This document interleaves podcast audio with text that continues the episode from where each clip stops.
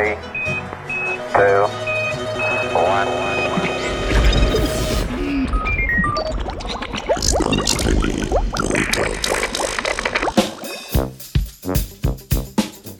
Večno mlada jedra.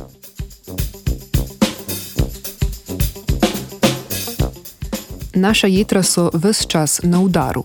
Medtem ko upravljajo mnogo funkcij za zaščito in pravilno delovanje telesa, se namreč borijo tudi proti toksinom, ki jih zvesto vnašamo v telo.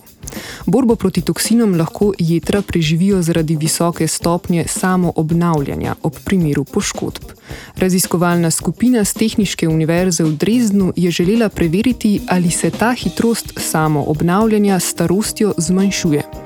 V raziskavi, objavljeni v reviji Cell Systems, so nakazali, da je odgovor na to vprašanje negativen.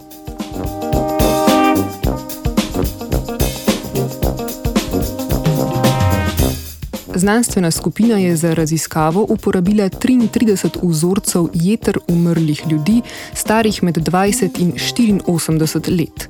Za določanje življenjske dobe so uporabili metodo ogličnega datiranja, kjer se določi prisotnost radioaktivnega izotopa oglika v DNK celic. Čeprav so količine radioaktivnega oglika v tkivih zelo majhne in neškodljive, jih lahko zaznamo in izmerimo. S primerjavo teh vrednosti z ravnmi atmosferskega radiooglika lahko ugotavljamo starost celic v tkivu. S prvimi meritvami so določili, da je bila povprečna starost jetrnih celic pri vseh vzorcih manj kot 3 leta.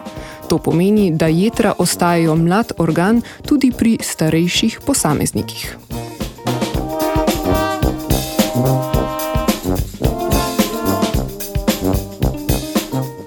Ker so jedra sestavljena iz različnih vrst celic, se je raziskovalna skupina odločila še za posamezno določanje starosti različnih vrst podtipov celic.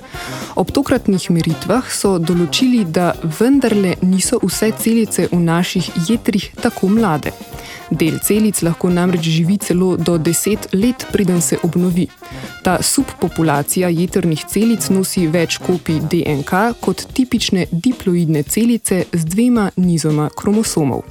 Omenjene dlje živeče celice v jetrih pa so poliploidne in lahko nosijo 4, 8 ali celo več nizov kromosomov.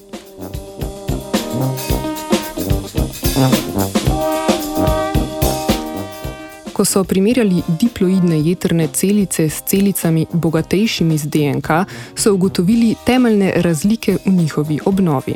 Medtem ko se pogostejše diploidne jetrne celice obnavljajo približno enkrat letno, se poliploidne sicer obnavljajo, vendar je možnosti za obnovo več kot sedemkrat nižja.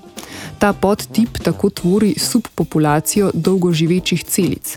Ker se delež teh poliploidnih celic s starostjo postopoma povečuje, znanstvena skupina predvideva, da bi te celice lahko igrale vlogo zaščitnega mehanizma pred oksidativnim stresom in kopičenjem škodljivih mutacij.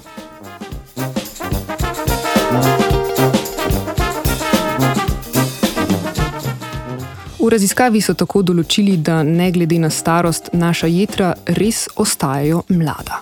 Je pa hitrost konstantnega samoobnavljanja močno povezana s ploidnostjo celic.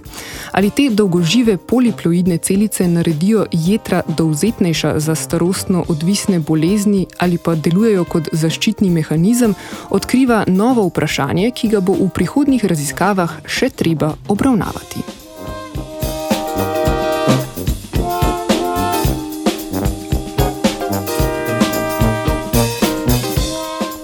Prihodnih raziskav se veseli Iza. Three, two, one.